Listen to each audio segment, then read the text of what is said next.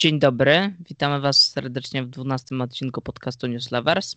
Mm, z tej strony Krzyś, po drugiej stronie siedzi Kacper i dzisiaj ponownie mamy dla Was omówienie filmu, ale tym razem nie filmu kinowego, tylko filmu, który wszedł w Polsce na HBO Go i pewnie domyślacie się co to jest. Jest to Liga Sprawiedliwości Zaka Snydera.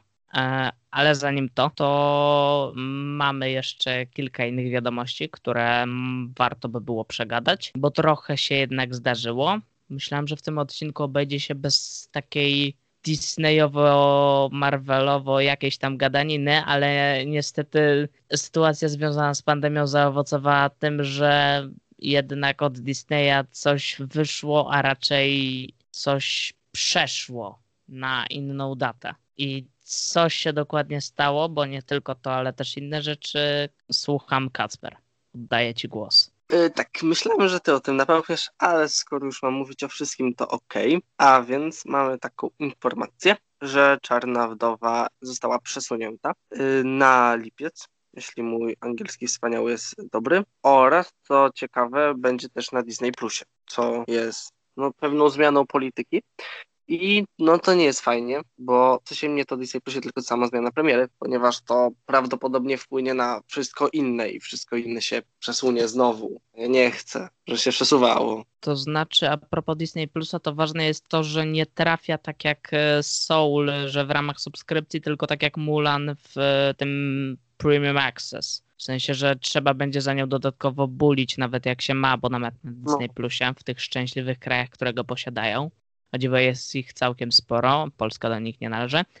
I już wiadomo, i wiadomo na razie to, że ta premiera wpłynie na Shang-Chi w taki sposób, że Disney podał nową datę premiery i to był chyba któryś września, ale chyba dziewiąte, tak mi się wydaje. Natomiast na razie nie wpływa to na Eternals i na nowego Spidermana, bo nie podano nowych dat premiery tych filmów. No ale zobaczymy, jak to pójdzie dalej. Bo Kevin Feige utrzymywał przez długi czas, że chce czarną wdowę w kinach dla wszystkich, nie na Disney Plus i tak dalej, ale jednak chyba szefostwo Disneya i COVID mieli inne plany, jak widać. Czy jest to fajne? Nie jest to fajne pod tym względem, że na ten film trzeba będzie jeszcze dłużej czekać, a hype na niego z każdym miesiącem tak w opinii publicznej mnie się wydaje, że jest coraz taki słabszy. Się już się o nim nie mówi tak naprawdę. On leży na półeczce gotowy i... No bo ostatni trailer miał miejsce no kilka miesięcy temu, więc to już takie,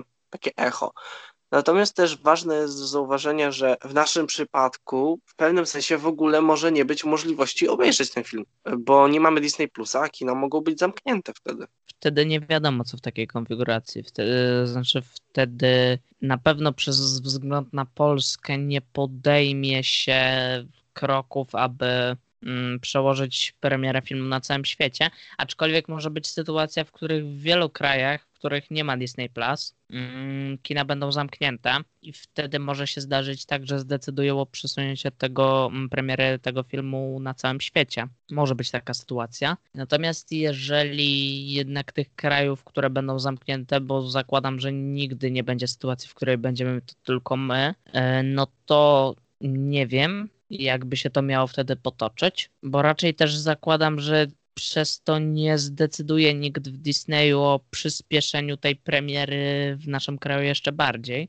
i w tych innych krajach, w których Disney Plus nie ma, ze względu na właśnie Czarną Wdowę, więc nie wiem. Też raczej, skoro jest w Premium Access, to nie ma raczej opcji, że film trafi na HBO Go, tak jak niektóre już filmy Disneya, które miały trafić do kin, ale nie trafiły tam finalnie, bo jednak to jest widowisko, w które włożono za dużo kasy i chcą, żeby ta kasa się jakoś zwróciła, przynajmniej częściowo. No a wsadzenie na HBO Go raczej tego nie spowoduje. Więc będziemy czekać, informować na bieżąco i zobaczymy, co z tego wyniknie. Natomiast idąc dalej, pozostając w temacie Marvela, pojawi, y, kilka tygodni temu pojawiły się jakieś niejasne plotki, a raczej teoria, która została chyba opublikowana przez jakiegoś blogera, z tego co kojarzę, i ona została y, potem rozpowszechniona przez wszystkie y, te większe clickbaitowe portale popkulturowe w Polsce, a propos tego, że Piotr Adamczyk miałby zagrać rolę w serialu Hawkeye i wygląda na to, że te plotki i ta teoria się potwierdziły, bo w ostatnim tygodniu dostaliśmy, wyciekło, czy też zostało opublikowane zdjęcie Piotra Adamczyka z jedną z osób, mm, które będą grać w tym serialu. Więc jest to dosyć e, dzięki temu zdjęciu prawdopodobne do określenia, że Piotr Adamczyk rolę w tym serialu dostał i w nim zagra prawdopodobnie jednego z członków jakiejś tam mafii, która się tam ma pojawić. Mm, świetna rola. E, nie wiem, co tu skomentować, bo teoretyzować można też na parę innych tematów, takich jak, że parę rzeczy potwierdziło obecność Lady Loki w Loki, bo człowiek odpowiedzialny za muzykę wysłał właśnie wiadomość z takim podpisem, więc tak teorie teoriami. Ja natomiast e, przerwę e, tę monotematyczność i powiem bardzo taką rzecz, że e, w kanale sueskim utknął mega kontenerowiec Evergreen i tak se utknął i próbują go odetknąć. Czy słyszałeś o tym? Nie, nie słyszałem. Na codziennie zajmuję się sprawami utykających e, kontenerów. E, a wiadomo, co wiezie w ogóle? Znaczy, to, co wiezie, akurat nie jest jakieś ważne. Okay. Ważne jest, że cały ten ruch. I no, tak. no, sobie skacze fajnie gospodarka, na przykład ropa i tak dalej, więc no. Okay. Taka ciekawostka. Jak ktoś zainteresowany, to damy linka i można się w to zagłębić, bo nie jesteśmy tutaj specjalistami, więc nie chcę się za bardzo wypowiadać. Oraz okay. wraca dzisiaj nasz ulubiony kącik, kącik Lego, ponieważ w tym tygodniu wyszedł nowy zestaw taki z takich interesujących, skierowany do starszej grupy wiekowej. Jest to wahadłowiec Discovery i jest bardzo ładny i jest fajny i ma teleskop Hubble'a w sobie. To jest super i pewnie go kupię. Pudełko jest fajne. Czy to tyle z kącika Lego? E, tak, to znaczy jeszcze mogę bardzo długo o nim mówić, na przykład, że ma 2354 e, elementy, cena katalogowa to 799,99 e, jest dostępny na 1 kwietnia i ma parę fajnych funkcji, takich jak wysuwane podwozie czy ruchome lotki skrzydeł. Okej. Okay. Zastanawiałem mnie, czy w montażu nie zastosować specjalnych przejść dla kącika Lego w odcinkach.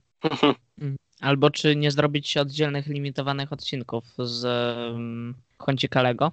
Mm, zobaczymy. No, ja mówiący o Lego przez pół godziny, to ja nie wiem, czy to jest dobry pomysł.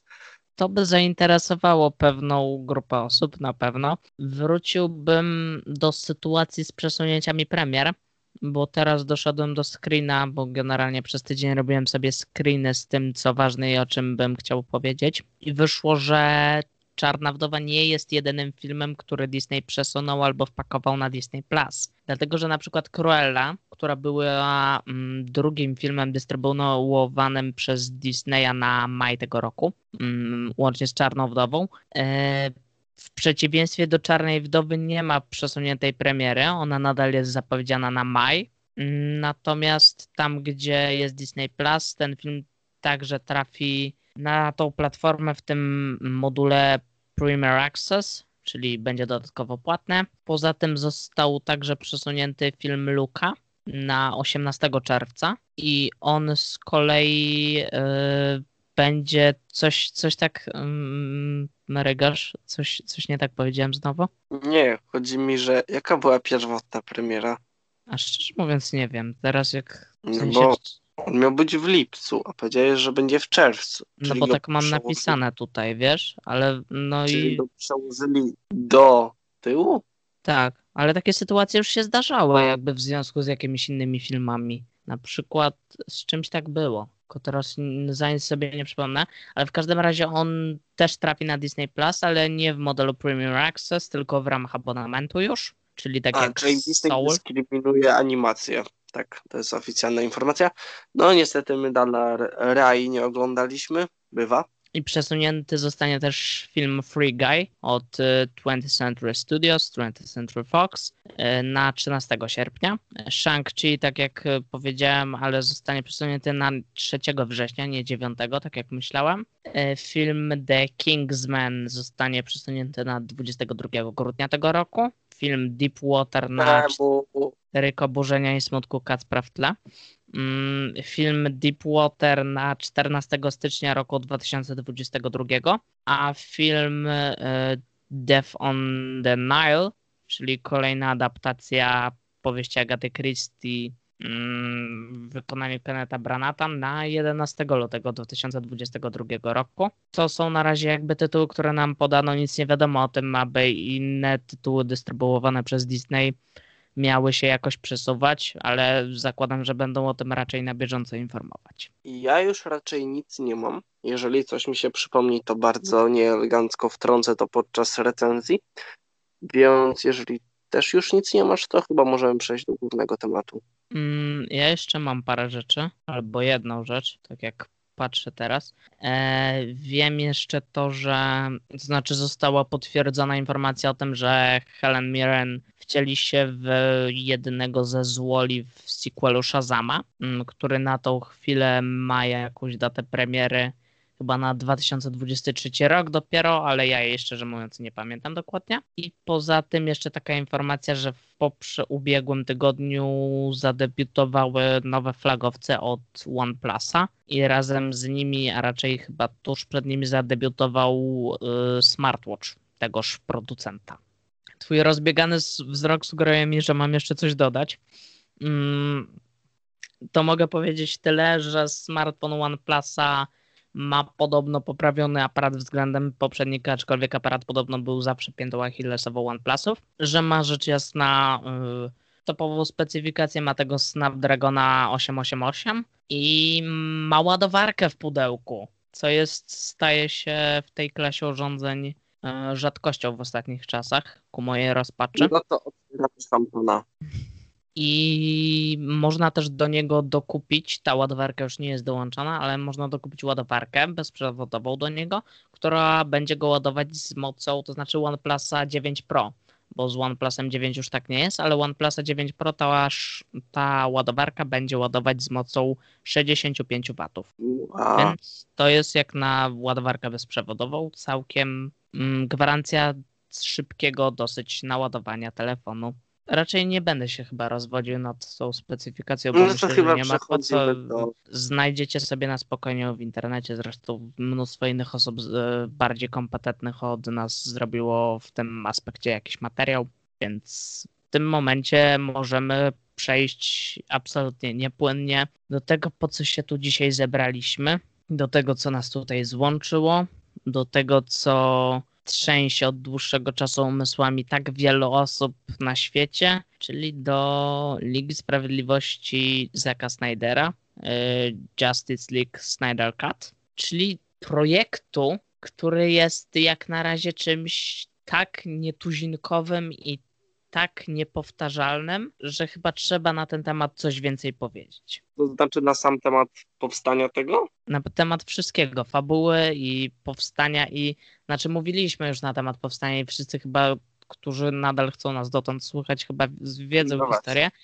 Znaczy wydaje mi się, że raczej już wszyscy, którzy byli zainteresowani tematem tego filmu i którzy nadal nas słuchają w tym momencie, e, raczej mm, jakby mm, znają całą historię związaną z produkcją tego filmu, ale to jest ciekawe na tej zasadzie, że to jest tak nietuzinkowa i tak niepowtarzalna jakaś sytuacja, że Warner Bros. jako historii, wytwórnia teraz w czasie kryzysu takiego, ale nawet nie o to chodzi, zainwestował 70 milionów w reprodukcję filmu, na którym praktycznie nic nie zarobi no to jest jednak sytuacja niepowtarzalna, jak na te czasy i generalnie nie było chyba takiego przypadku w historii całej kinematografii dotąd. Więc wow. Potęga fanów. No właśnie, potęga fanów, bo to tak naprawdę ten e, hashtag cały release The Snyder Cut to się zaczął pojawiać niedługo po tym, jak wyszła tam ta Liga Sprawiedliwości ta oryginalna jakby pierwsza. Mm, okej. Okay. E, o ile mi wiadomo, dzisiejszy film będziemy omawiać w taki fajny sposób, że mamy dwie perspektywy. Jestem ja, czyli osoba, która widziała Starą Ligę Sprawiedliwości i omawia tą nową z perspektywy tego, co się zmieniło względem starej i jak poprawia oryginał, co dodaje i tak dalej. A z drugiej strony mamy takiego Kacpera, dla którego Liga Sprawiedliwości Zaka Snydera jest pierwszą ligą, jaką w ogóle widzi. Dlatego widział. Dlatego teraz zapytam Kacpra, jak w ogóle twoje wrażenia związane z tym filmem i tak dalej? Jak oglądałeś przez te cztery bite godziny?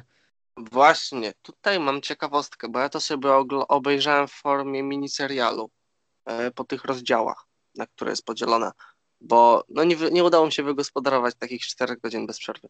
I to w sumie spoko forma była, mi się wydaje, tak na marginesie. Okej. Okay. Ja słyszałem takie opinie, że ludzie chcieliby, żeby zrobili z tego miniserial. Generalnie w ogóle jeszcze tak powiem, że w oryginalnej lidze, w sensie mówię oryginalnej, ale to nie jest chyba dobre określenie. Tej pierwszej lidze tych podziału na te nie było. Ja oglądałem tak, że sobie nie, też nie obejrzałem całości naraz, tylko sobie podzieliłem na dwie części, tak mniej więcej po połowie. Gdzieś tak w połowie urwałem i dokończyłem następnego dnia, bo jednak ani nie miałem czasu, ani chęci, żeby siedzieć nad tym 4 godziny. Myślę, że jednak byłoby to dość męczące. Czy to jest według ciebie lepsze od y, Batman kontra Superman Świt Sprawiedliwości? Tak. Okay. To jest pełną premedytacją. premedytacją. Tak. Okej. Okay. To w tym się zgadzamy. Mm. Czy człowiek ze stali zależy. Mhm. Tutaj już do pokłócenia. Okej. Okay. To jest specyficzny w odbiorze film. Znaczy, generalnie samo to, że on trwa 4 godziny, e, będzie niektórych odpychać, mam takie wrażenie. I też jest trochę tak, że pewnie zwróciłeś uwagę, że cały ten film jest w takim tonie i takim stylu bardzo. Ja nie widziałem innych filmów Zaka Snydera za bardzo, oprócz właśnie Człowieka ze Stali, ale po obejrzeniu i Człowieka ze Stali i tej nowej ligi właśnie da się rozpoznać ten jego taki y, charakterystyczny styl, o którym tak dużo się mówi. W sensie ja to tam czuję i widzę. Po prostu y, ta estetyka, te jakby takie ciemne kadry, takie przechodzące wręcz w taką szarość. Trochę mi się to kojarzyło z y, tymi częściami Harry'ego Pottera od Księcia Półkrwi wzwyż. Ta mm, dobór kolorów w kadrach i tak dalej. Mm, miałem jakieś... Anegdotka, że e, czasami było tak ciemne, że musiałem sobie zwiększać jasność ekranu.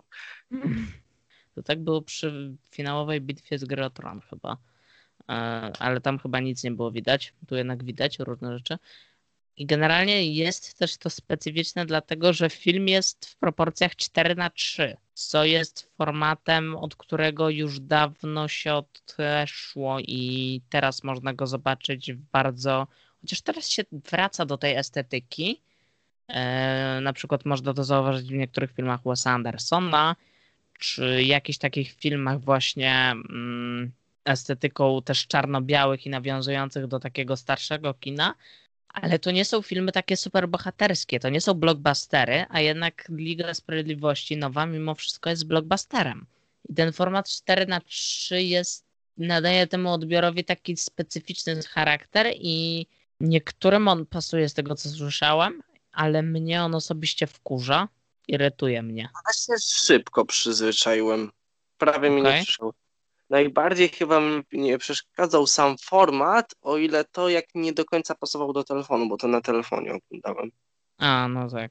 Ja na telewizorze oglądałem ale jest też takie coś, że w ogóle teraz usłyszałem, że Warner Bros. jeszcze wypuścił na HBO Go tą samą ligę, tylko w wersji kompletnie czarno-białej. Tak, też o tym słyszałem. Nie wiem, czy jest też polskiej wersji, czy tylko zagranicznej. Właśnie jest na HBO Go chyba w Stanach jest HBO Max i tak dalej. A, I jest, bo jak chyba wczoraj czy dzisiaj wpisałem wyszukiwarkę, to już było, ale nie zobaczyłem szczerze mówiąc, jak to wygląda i chyba nie mam zamiaru. Generalnie podobno słyszałem, bo wczytywałem się, dlaczego ten format tak wygląda i tak dalej, bo generalnie pojawia nam się na początku ten napis, że format 4 na 3 zgodny z wizją reżyserską Zaka Snydera i tak dalej ale on generalnie powstał chyba dlatego, że ten film generalnie był produkowany z myślą o formacie IMAX, który jest 4 coś tam, coś tam i to musiało zostać jakby w ten sposób obcięte, bo inaczej nie dałoby się tego wyświetlić na normalnych odbiornikach. Coś takiego było z tym związane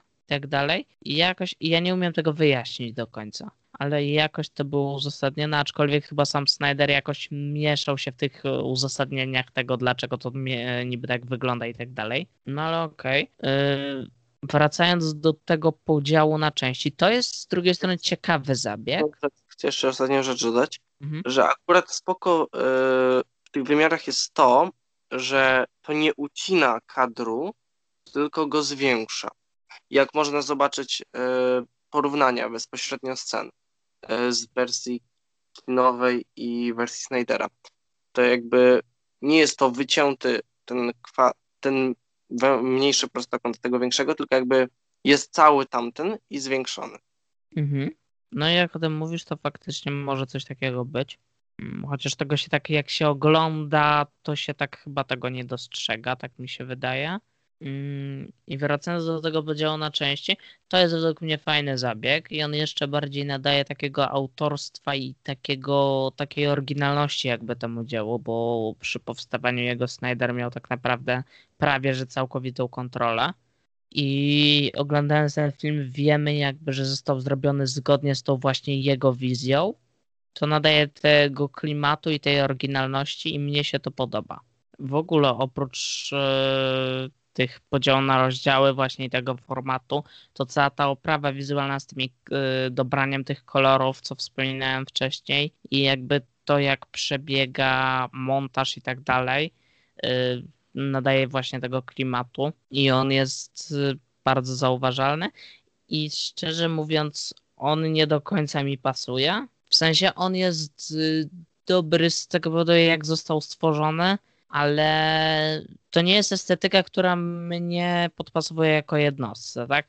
Ona nie jest stworzona dla mnie i ja nie jestem osobą, która jest zwolennikiem tego, jak to wszystko wygląda, e, aczkolwiek widać, że względem tej poprzedniej ligi, tej skończonej przez Josa Widona, no to zmieniło się dużo, tak? Bo oprócz tego, że samo to, że duża ilość scen została wycięta i duża część scen y, została dodana, to mamy jeszcze coś takiego, że generalnie zmienił się sposób montażu, przechodzenia między ujęciami.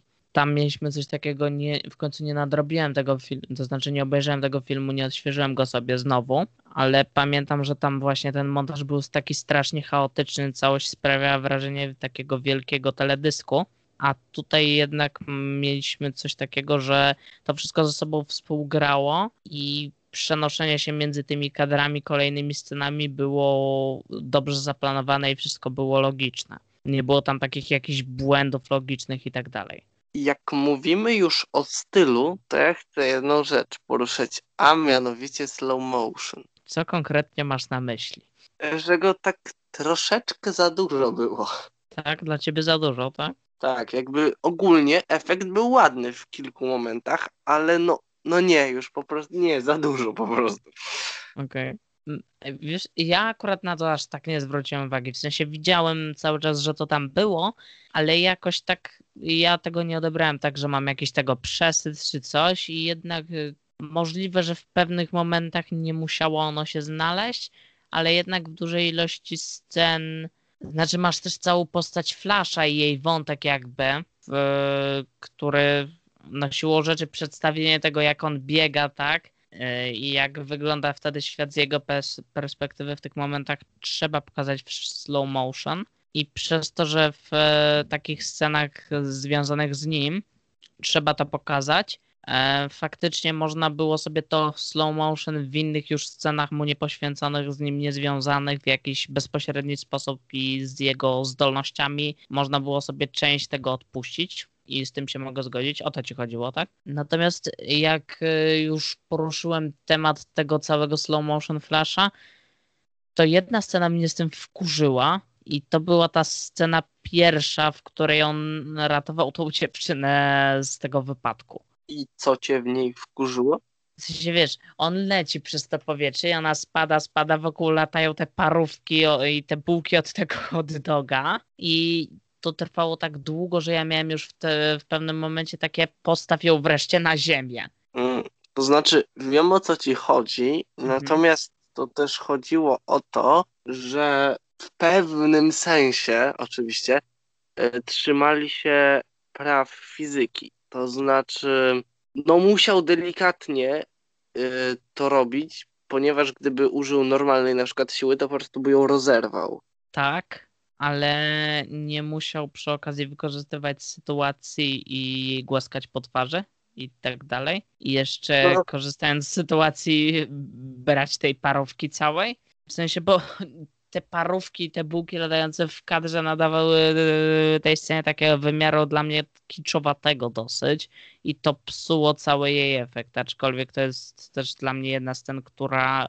jest jedną z najmniej potrzebnych. Jej w ogóle w oryginale nie było, chociaż tam w ogóle wątek jakichkolwiek postaci był rozwinięty, także nie był rozwinięty. Natomiast cała ta scena, jakby nie widzimy żadnej jej kontynuacji w dalszej części trwania filmu, więc jest ona siłą rzeczy niepotrzebna, tak naprawdę. Się ona też nie wprowadza nas jakby w to, jak wygląda i kim jest postać Flasha w tym filmie, więc jest jedną z scen niepotrzebnych nam tutaj. Aczkolwiek, y, jak dla mnie, takich scen, y, które w moim odczuciu były takie czysto stricte niepotrzebne i dodane na siłę i zbędne, było w tym filmie dosyć mało. Więc z tego Tutaj- powodu się ucieszyłem. E, Tu się zgadzam mm, z tym, że nie była ona do końca potrzebna, natomiast też mam wrażenie, że to było na zasadzie, że miał być to wątek rozwinięty w, drugiej czy trzeciej części, czy w filmie solowym, gdyby nadal to Snyder nadzorował tak odgórnie. Okej. Tak mi się wydaje. Bo tutaj od razu powiem, że z wywiadu, który miał miejsce parę dni temu, wynika tak mocno jasno, że no nie będzie żadnych kontynuacji, żadnego Snyderverse. Chociaż oczywiście to się może zmienić, no ale szanse są mniejsze niż w przypadku tego pojedynczego filmu. W sensie, aczkolwiek też na pewno nie trafi to do takiej formuły, że wrzuci się na platformę streamingową 4-godzinny film, w który włożyło się jeszcze więcej kasy, bo w przypadku Ligi mieliśmy już jednak jakiś materiał wyjściowy i, pole, i teraz wszystko polegało na dokręceniu sceny i tak dalej, dlatego podejrzewałbym, że gdyby Snyder miałby nakręcić kolejny taki projekt, ale już od zera tak naprawdę, no to jednak e, poszłoby na to jeszcze więcej niż 70 milionów, więc jest to raczej mało prawdopodobne. I też Warner Bros. właśnie ze swojej strony mówił, że absolutnie nie planuje na przykład y, robienia na nowo Legiona Samobójców czy czegoś innego. To znaczy, to jest śmieszna sytuacja, bo w pewnym sensie tworzą na nowo Legion Samobójców. Znaczy, No. no tak, w ogóle zapomniałem powiedzieć, że dzisiaj się pokazał pierwszy zwiastun, O, no. I generalnie przy produkcji też stoi James Gunn, więc y, zapowiada się coś lepszego, aczkolwiek orgi- tego pierwszego nie widziałem. Mm, A, no dziwne to było. Ten nowy będzie czymś w rodzaju takiego y, soft reboota, mniej więcej. W sensie tam będziemy mieć jakby dodane jakieś wątki, w sensie historię stworzoną na nowo z częścią z, z tej starej ekipy Legionu Samobójców i chyba y, no i dodanych jakichś nowych członków tej ekipy i inaczej poprowadzoną historię i tak dalej, ale nie wiem do końca jak to miałoby wyglądać. W sensie po zwiastunie widać czego możemy się spodziewać, aczkolwiek ja nie widziałem też y, tego pierwszego, więc no nie wiadomo. Natomiast tak jak mówiłeś, że tworzą drugi Legion Samobójców, to to jest jednak y, inna sytuacja niż w przypadku Ligi Sprawiedliwości. No i też tak jak mówiłem, y, nie zanosi się na dalsze takie projekty ze strony Warner Bros., aczkolwiek już krąży po sieci nowy hashtag przygotowany przez fanów, który żąda od Warner Brosa stworzenia Snyderverse, czyli sequela Ligi Sprawiedliwości i tak dalej. Czy tym razem to zadziała, nie wiem. To znaczy DC ma straszny problem z tym, co teraz jest kanonem, a co nie, bo ja się muszę nadrobić ten trailer, natomiast jeżeli jest tak jak mówisz, ciężko stwierdzić, czy to się wydarzyło, czy to się wydarzyło, a próbują na siłę z tego robić uniwersum. No nie powinni. Powinni się według mnie skupić na pojedynczych produkcjach i ewentualnie zrobić jakąś główną serię, na przykład przewodnią, ale nie tak, żeby ciągle było między tymi crossover i tak dalej. W sensie to nowe DC na początku chciało się wzorować na Marvelu i usilnie tworzyć uniwersum na jego podo- na podobieństwo tego nowego MCU, ale teraz ja coraz bardziej widzę, że jednak się od tego odbieg- odbiegają od tego i coraz więcej widać w tym oryginalności i takiego no jednak, że mają na to własny pomysł, aczkolwiek gubią się w tym, co już zrobili i w tym, co dalej chcą z tym robić. Na przykład nie wiem, co jakby się stanie dalej z postacią na przykład Batmana Bena Afflecka, bo jakby już o tym mówiłem kiedyś, że ja się w tym gubię, bo mamy zapowiedzianego nowego Batmana i to ma być niby inne uniwersum, ale co w takim razie z tym Batmanem? Nic, po prostu jakby to jest tak, mam wrażenie, że twórcy mają kilka pomysłów, ale po pierwsze producenci im się ciągle yy, dowalają, a po drugie nie mają kogoś, kto ma spójną wizję na całość, jak Kevin Feige. Tak samo e, poległy Gwiezdne Wojny, które miały wspaniałą osobistość zwaną jako Kathleen Kennedy. Nadal no, mają, nadal mają, no, nie zwolniono. I nawet szef Disneya mówił ku mojej zgrozie, że nie zamierzają zwolnić Kathleen Kelly i czekają na dalszą owocną współpracę z tą osobą, co jest dla mnie akurat rozwiązaniem kompletnie nielogicznym i dziwnym, biorąc pod uwagę, co się dzieje. I oczywiście Mandalorian który okazał się sukcesem. Nie mogę prywatnie tego sukcesu potwierdzić, bo nie widziałem, ale podobno jest dobre i chciano na przykład, żeby ludzie odpowiedzialni, showrunnerzy Mandalorianina kierowali dalej Gwiezdnymi Wojnami, ale się na to nie zanosi. Niepokoi mnie też to, kto będzie reżyserem mm, Nowych Gwiezdnych Wojen, ale o tym powiem przy okazji innego odcinka, bo będzie taka możliwość. A teraz wracając do Ligi Sprawiedliwości mm, nowej, czy fabuła cię porwała? W sensie, czy nie miałeś takiego czegoś przez te cztery godziny, że zaczyna cię to nudzić? Czy jednak ta historia i wątki w niej zgromadzone były poprowadzone w taki sposób, że ta historia była dla ciebie w jakiś sposób angażująca? E, od razu nadmienię, że moje oczekiwania mogły zostać drastycznie zmniejszone przez e, detoks e, kinowy. Natomiast wciągnęło mnie jakby jak na przykład miałem ważne rzeczy do robienia, to w, byłem w miarę podekscytowany tym, że będę kontynuował dalej. Czyli y, ty masz też jednak takie coś, że bardziej by ta formuła do ciebie przemawiała, gdyby to był taki miniserial, tak? Mhm.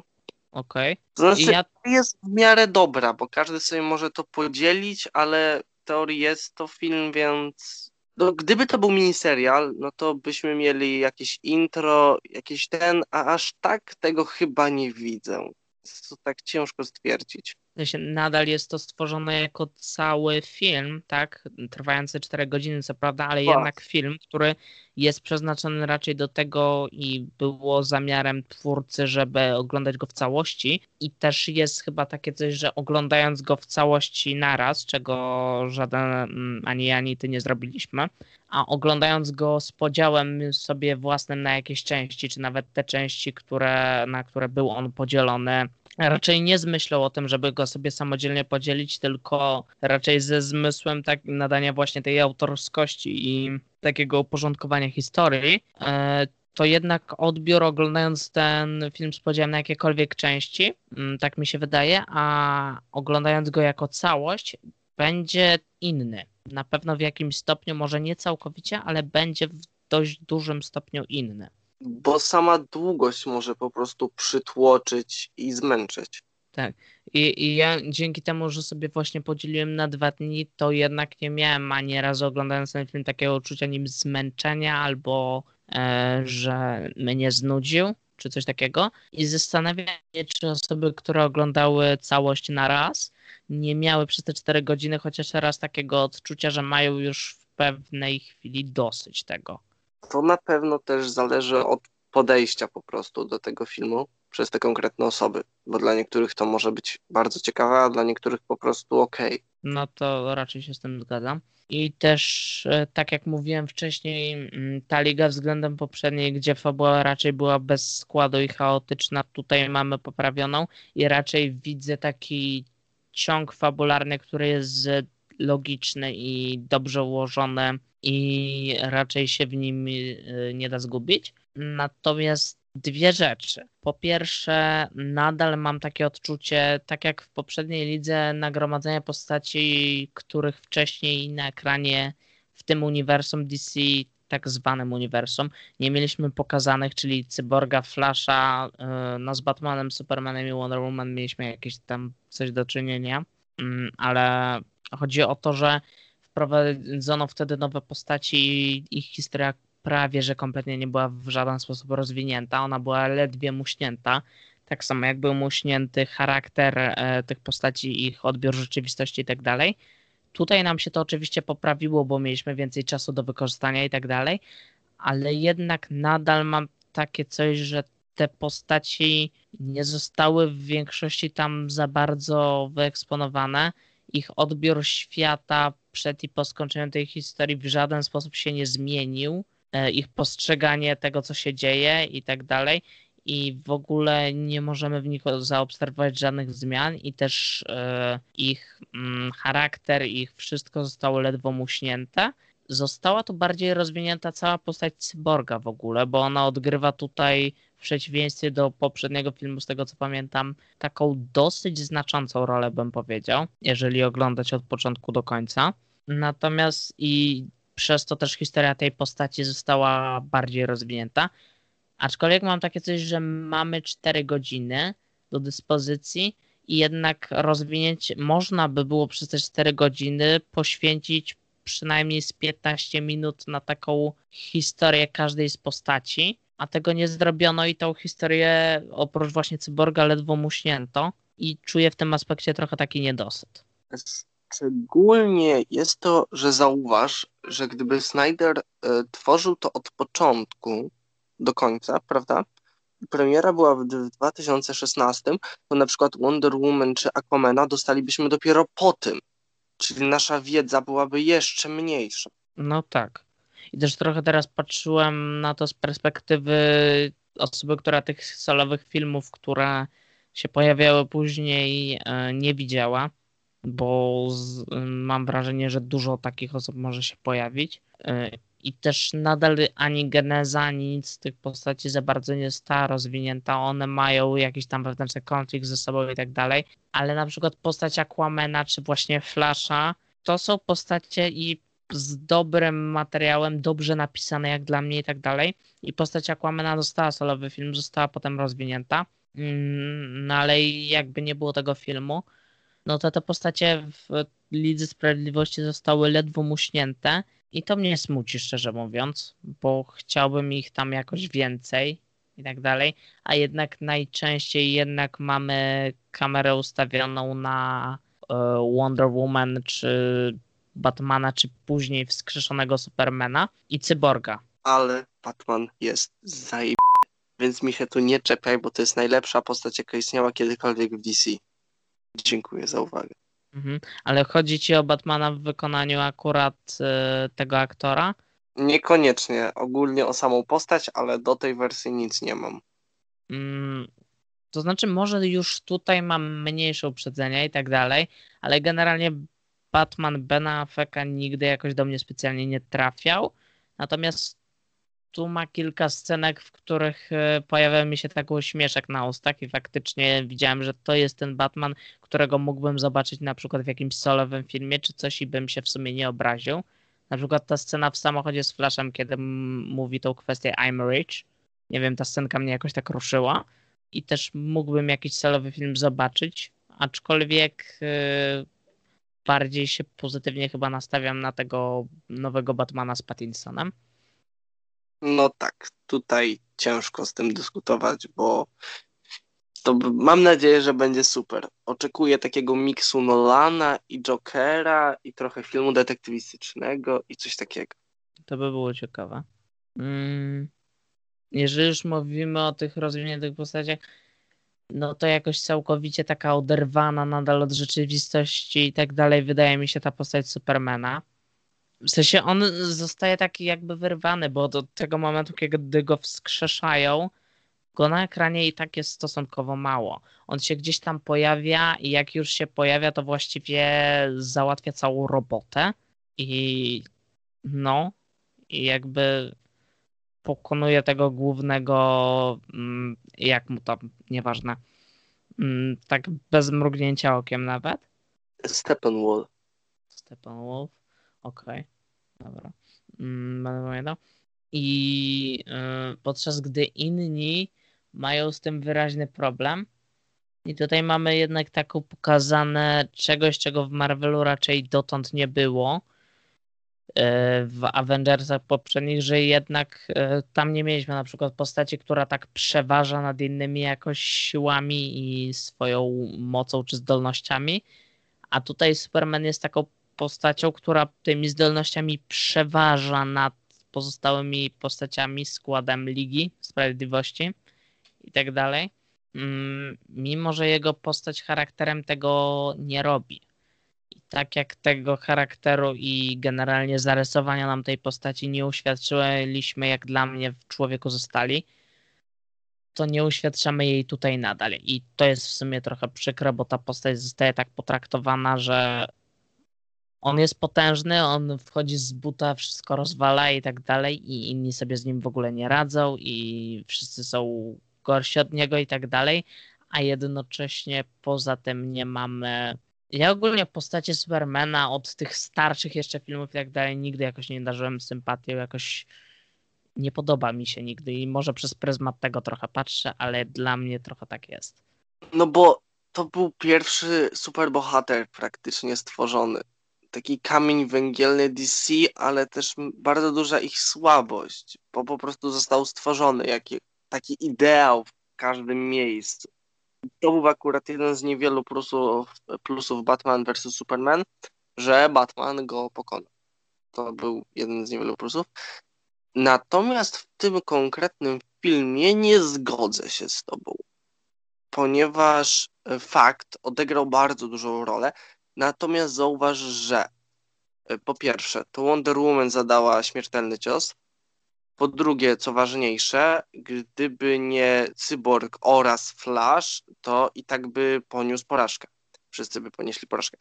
Więc tutaj było to mocno zespołowe według mnie.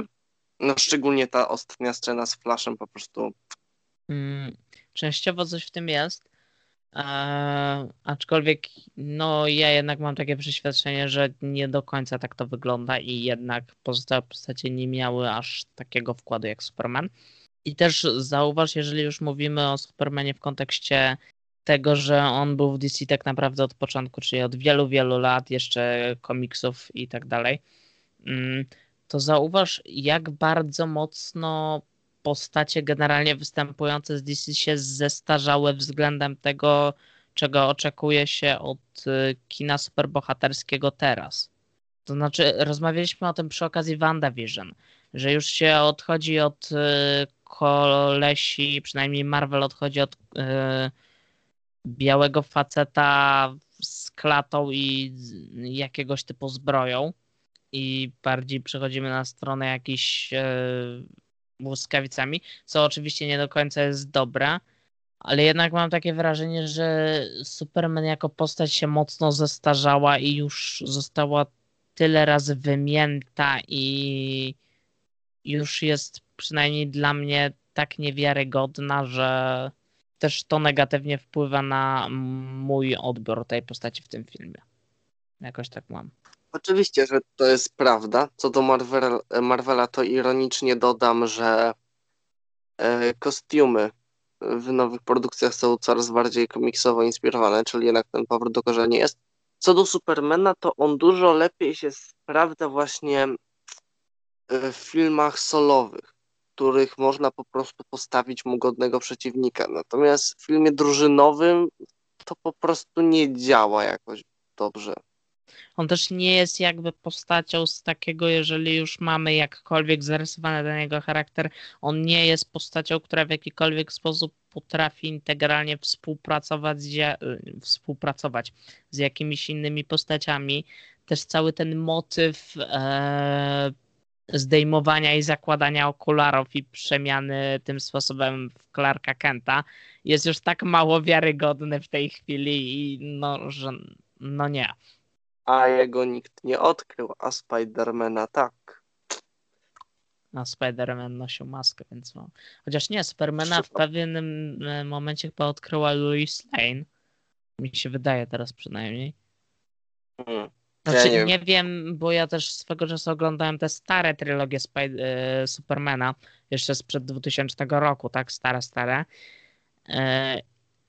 Nie pamiętam do końca, jak tam z tym akurat była sytuacja, więc nie wiem.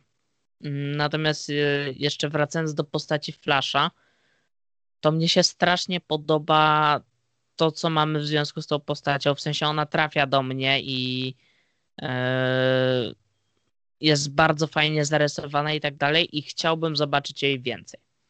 W przeciwieństwie do postaci Supermana. Tak, pomimo tego, że jego moce też są na bardzo wysokim poziomie, no załamują czasoprzestrzeń praktycznie. Tak, ale w jego przypadku akurat jakoś mi to za bardzo nie przeszkadza i tak dalej.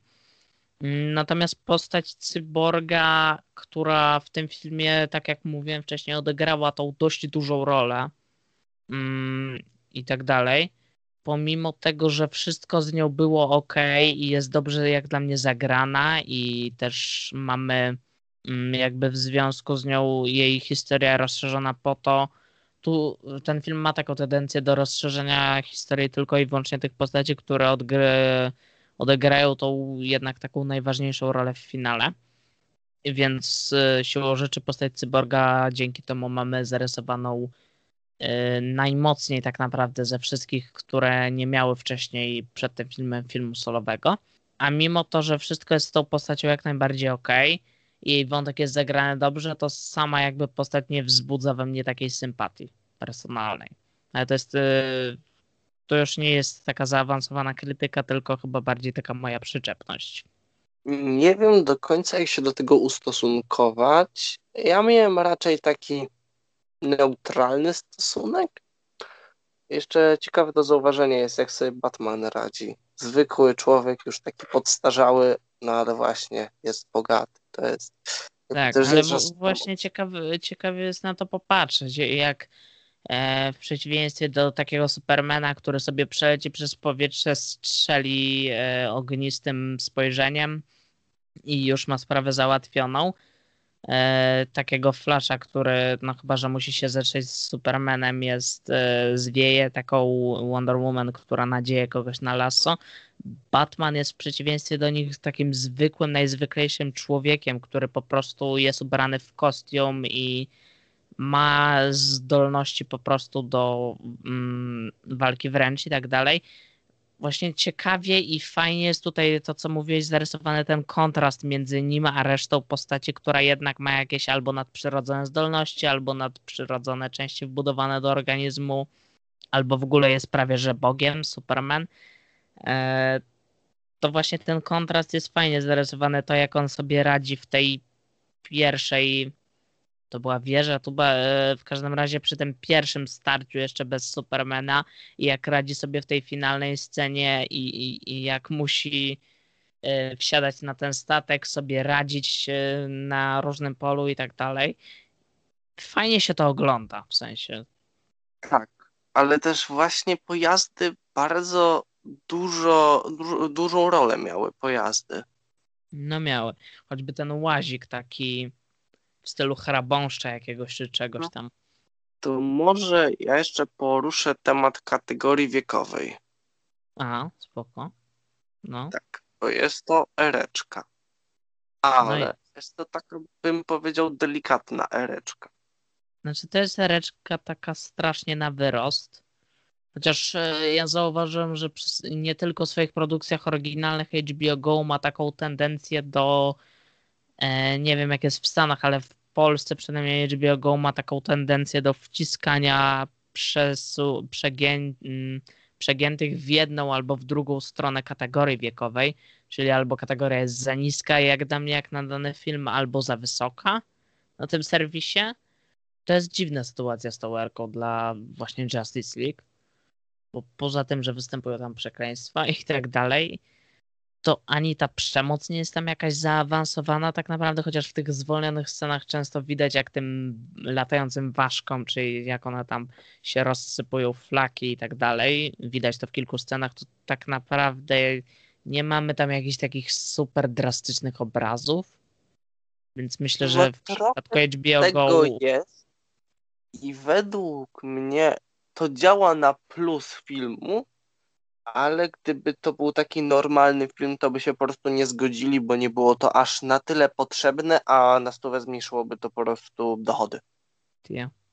Ja myślę, że jak na HBO Go, to kategoria 15 plus by w zupełności wystarczyła.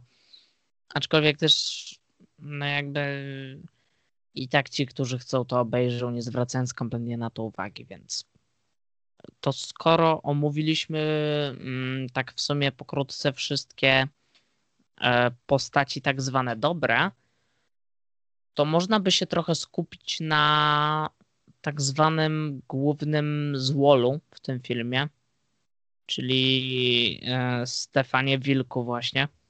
Stefan Wolfie, czy jak mu tam. Okej, okay, nieważne. Natknąłem się na strasznie dużo w sieci porównań do Thanosa w jego przypadku. Bo jest duży i zły. To takie mocno naciągane, jeśli już to Dark Side bardziej. No nie, do Dark Side'a chyba też natknąłem się na jakieś porównania. Mm, nawet jacyś internauci mali, mieli tendencję do takiego e, e, taka kopia Thanosa. Biorąc pod uwagę, że został wymyślony wcześniej jako postać, zarówno Darkseid, jak i Stephen Wolf, e, taka krytyka bym powiedział naciągana bardzo. Natomiast on jako postać jest jak dla Ma mnie. Słodkie oczy szczeniaczka. Nie zaprzeczysz. Nawet nie o to chodzi. Ale on jakby z nim jest wszystko ok, z kolei pod tym względem, że on na plus ma zarysowaną jakąś tam motywację, tak? Nie jakąś super oryginalną, wiadomo i tak dalej, ale ma tą motywację, co jest ważne, bo wcale to dzisiaj nie jest spotykane tak często, żeby Zwol miał jasną, uzasadnioną motywację. Natomiast. Właśnie z tego, co się orientuję, to ma dużo lepszą niż w wersji kinowej. Ale tutaj nie mogę mówić za siebie. Właśnie ja nie pamiętam, jak było z nim akurat, jakie były zmiany względem wersji kinowej Natomiast z motywacją wszystko jest ok, ale sama postać jest taka dosyć płytkawa. W sensie sposób jej zachowywania się, mimika i tak dalej, to wszystko jest dla mnie dosyć takie niedopracowane. Mam wrażenie, że to miałaby być taka przystawka przed właśnie Darkseidem w ewentualnych następnych częściach. Aczkolwiek prawdopodobnie ich nie będzie, więc no właśnie, taki problemik mały. Ogólnie sam film się kończy takim cliffhangerem na kilku poziomach, że aż ciężko to skomentować. Przychodzi y, Manhattan, y, no, ten kosmita, który z jakiegoś powodu udawał tą matkę, a Batman ma sen, który jest postapokalipsą, ale nie jest, bo Flash się cofnął w czasie i do niego poszedł, jak był Batman kontra Superman, to jest po prostu, no trochę się gubią. Znaczy ten cały epilog jest generalnie czymś bardzo dziwnym. Ja słyszałem o nim generalnie skrajne opinie, ale tak osobiście mnie się nie spodobał w ogóle. Absurdem. Niektórzy się zachwycali jakoś, że tam był ten Joker Jareda Leto, który podobno był w Legionie Samobójców. Ja go wcześniej nigdzie nie uświadczyłem, bo Legionu Samobójców nie widziałem ale jak dla mnie ten epilog był, jakby ta część z tym snem całym i tak dalej, to była w sumie kompletnie zbędna jak dla mnie. Tak. Jakby skoro nie będziemy mieć sequeli czy coś, to ona czemu miała służyć? To po prostu zamęt prowadziło, bo teraz nie wiadomo, czy powstała jakaś alternatywna rzeczywistość, w której e, no, zło wygrało, no bo jak może pamiętasz, to Batman vs Superman właśnie Flash się cofnął w czasie do Batmana. Ale w teorii się nie cofnął. W ogóle. Z Batman vs Superman to ja niewiele pamiętam niestety. Nawet Ja e, powiem, jak e, zacząłem oglądać, no, Że zostały nam oczekiwania, które nie zostaną spełnione. ja. Znaczy, jak zacząłem oglądać ligę właśnie nową, to nagle sobie uświadomiłem, że tak naprawdę przed zabieraniem się za oglądanie nie pamiętałem, że Superman nie żył. W ogóle strasznie długo się ten film rozkręca jeszcze. W sensie mamy to całe wprowadzenie i tak dalej, ono ma czemuś służyć, ono jest dobre generalnie, ale zanim się zacznie jakaś porządna bijatyka czy coś, to musi minąć sporo czasu jednak. Taka faktyczna, wejściowa akcja. Co z jednej strony jest dobra i tak dalej, ale z drugiej strony mam wrażenie, że niektórzy mogą się zmęczyć, zanim zacznie się finalna akcja filmu.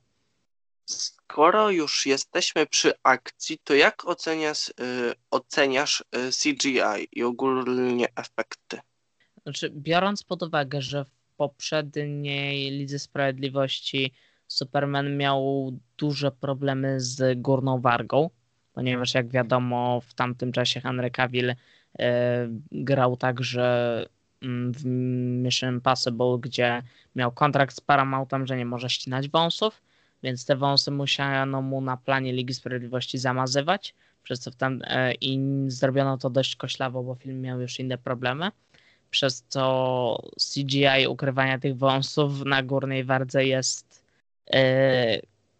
krótko mówiąc nieestetyczna, delikatnie mówiąc. Tutaj nie zauważyłem tych problemów. I też nie zauważyłem jakichś problemów z CGI-em. Jak dla mnie wszystko tam jest ok, wszystko jest dobrze. Ja się chyba nie mogę w tym aspekcie do niczego przyczepić. Ja mam mieszane uczucia, bo z jednej strony mm, to jest ładny film do oglądania. W niektórych momentach jest trochę takim ruchomym obrazem, można powiedzieć. No jest to połączenie efektów, no, kolorystyki i tak dalej, ale parę razy jakoś mi to wyglądało jak niedoróbka. Jakoś tak nie do końca pasujące do otoczenia, co jest rozczarowujące w filmie, który łącznie kosztował praktycznie 400 milionów dolarów. W sensie łącznie stara wersja z nową, tak? Tyle kosztowało, okej. E, No niby tak, ale ja nie wiem, ja tego tak jakoś nie... Nie wiem, może przeoczyłem, bo się skupiłem na fabule czy coś, ale jakoś tego nigdy nie zauważyłem. Mm, Natomiast jest bardzo ładny element, czyli zbroja Steppenwolfa. Ona jest bardzo ładna. Ona jest ciekawa w sumie, tak. Jest też e, jak, mm, bo mamy dużo scen, w których on jest dosyć mm, przybliżony. e, I ta zbroja faktycznie jest wizualnie ładna, tam wszystkie elementy widać i tak dalej. I to faktycznie jest fajne. Też na to kilka razy zwróciłem uwagę. Zwróciłem też uwagę na taki ciekawy element tego, że on jest e, ogromny, wysoki przy wszystkich postaciach z Justice League i tak dalej. A kiedy mamy jego konfrontację z jego, nazwijmy to, szefostwem i przyjaciółmi, to jest względem nich malutki i to, i to się robi I takie rodzi- urocze. To znaczy, ogólnie jest raczej mniejszy, co widać jak Darkseid no, zgniata jego głowę.